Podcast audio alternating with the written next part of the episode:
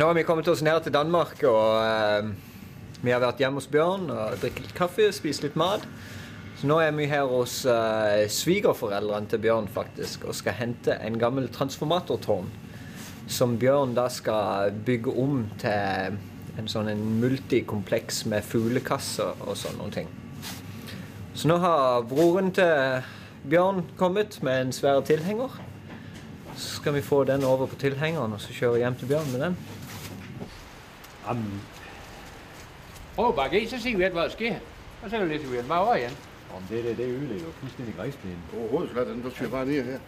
Det er sådan, det er for det lastbilen kan til herned. Nå jo, Som det, det er nu. det, det smutter jo bare rundt der baghjulspå. Jamen der, så tyder det han der. Der er der, der, der, der, der, har der, der, der, der, der, der, der, der, det. der, der, der, der, der, der, her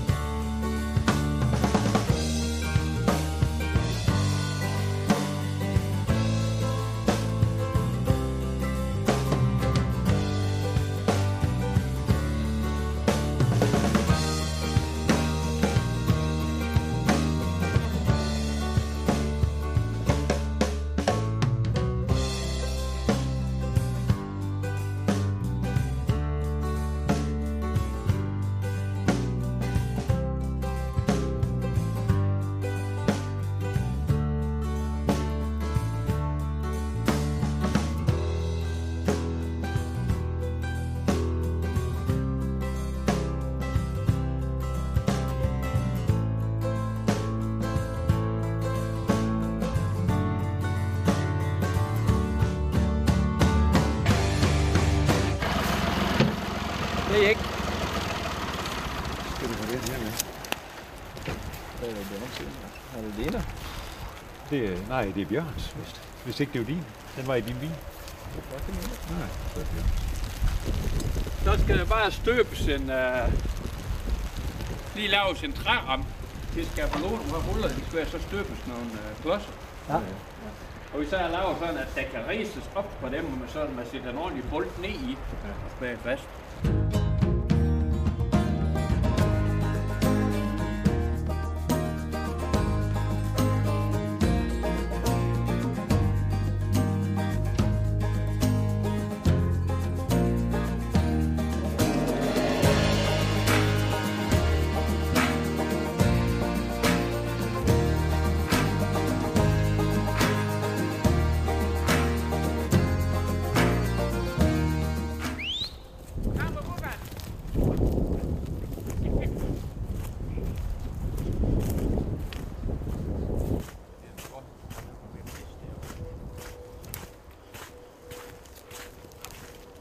Det var, det var, det var veldig rent kjøtt. Ja, det er det, og det skal være forbi. Ja, det er jo det som det er det som er.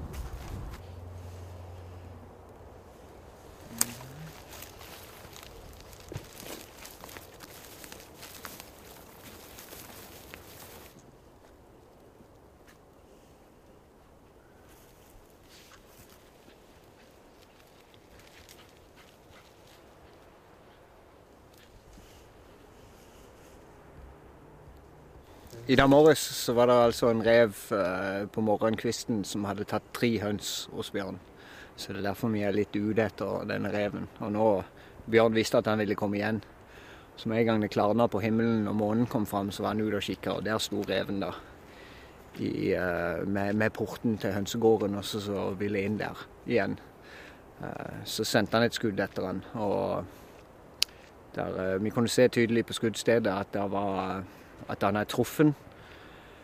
Eh, men det var kun kjøttrester, kan du si. Og, de var helt rene kjøttrester. Ingenting blod eller noen ting sånn som tyder på at han har truffet noe som gjør at han kan blø ut da.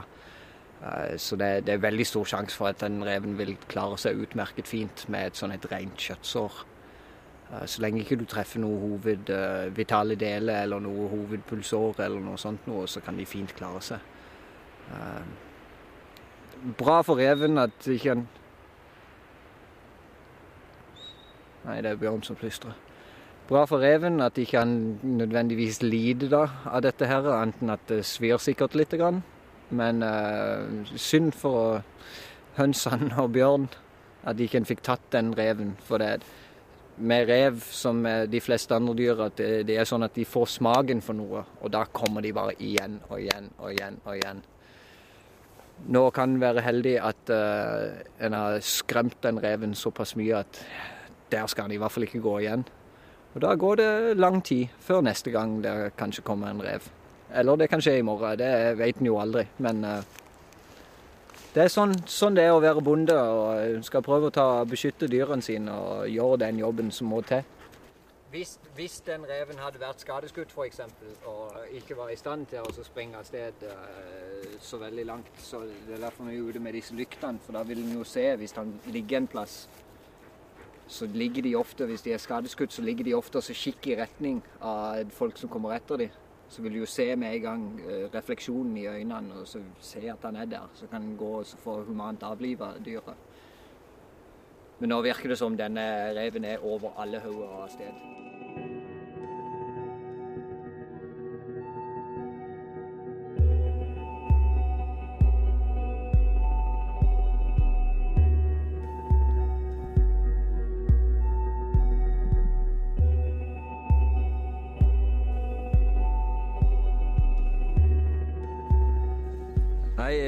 I går kveld så var vi jo ute og gikk etter en rev som hadde vært og herja litt i hønsegården hos Bjørn. Og fikk tatt uh, Han fikk slengt et skudd etter han der i mørket og var borte igjen når vi var rundt og leide etter han. Så i dag morges sto vi og Bjørn opp uh, nokså tidlig og, og hadde ei runde nede og, for å leide og se om vi kunne se noe mer tegn etter han, hvilken retning han har tatt. Og, men nei, ingenting. Det, vi finner det ikke igjen. Så det, det, kan godt være han klarer seg utmerket. Eh, det kan godt være han kryper inn i et hull en eller annen plass. Eh, det er ikke godt å vite. Sånn som skjer av og til. Det viktigste for Bjørn sin del i hvert fall er jo det at ikke han er der og tar noen flere høns. For det tror jeg nok kan holde seg unna nå. Men i dag da skal vi ut eh, på tradisjonell revejakt i Danmark, hvor vi har med oss noen små hunder og skal gå og besøke noen naturgrav og kunstgrav. Um, og se om det er noen rev hjemme, da. Og alt dette handler jo om Det er jo en, en forvaltning av disse rovdyrene. Uh, blir det for mye rev, så uh, blir det mindre av andre nyttedyr. De tar jo rådyrskje og fasan, og fasankyllinger og hare og harunger og alt mulig. Mens reven har jo ingen naturlig fiende annet enn en, en, ørn i ny og ne. Men ørna har jo masse annet òg å spise, så det at den prioriterer ikke å gå etter reven. Så, så derfor må mennesker hjelpe til litt med å holde nede denne revebestanden. Uh, så nå skal vi til oss å kjøre og som sagt ut og besøke disse gravene. Og så når vi kommer til disse gravene, skal jeg forklare litt nærmere hvordan det fungerer, fungerer spesielt med disse kunstgravene. For det er jo veldig spennende at de de legger ned betongrør og lager kunstige revehi, kan du si. Som faktisk det viser seg at reven nesten foretrekker. Eh, det er vel det at de er tørre og fine og lagt eh, riktig i forhold til helning og sol og vind og vær og alt mulig. Så det, det er spennende. Det er spennende, spennende jakt.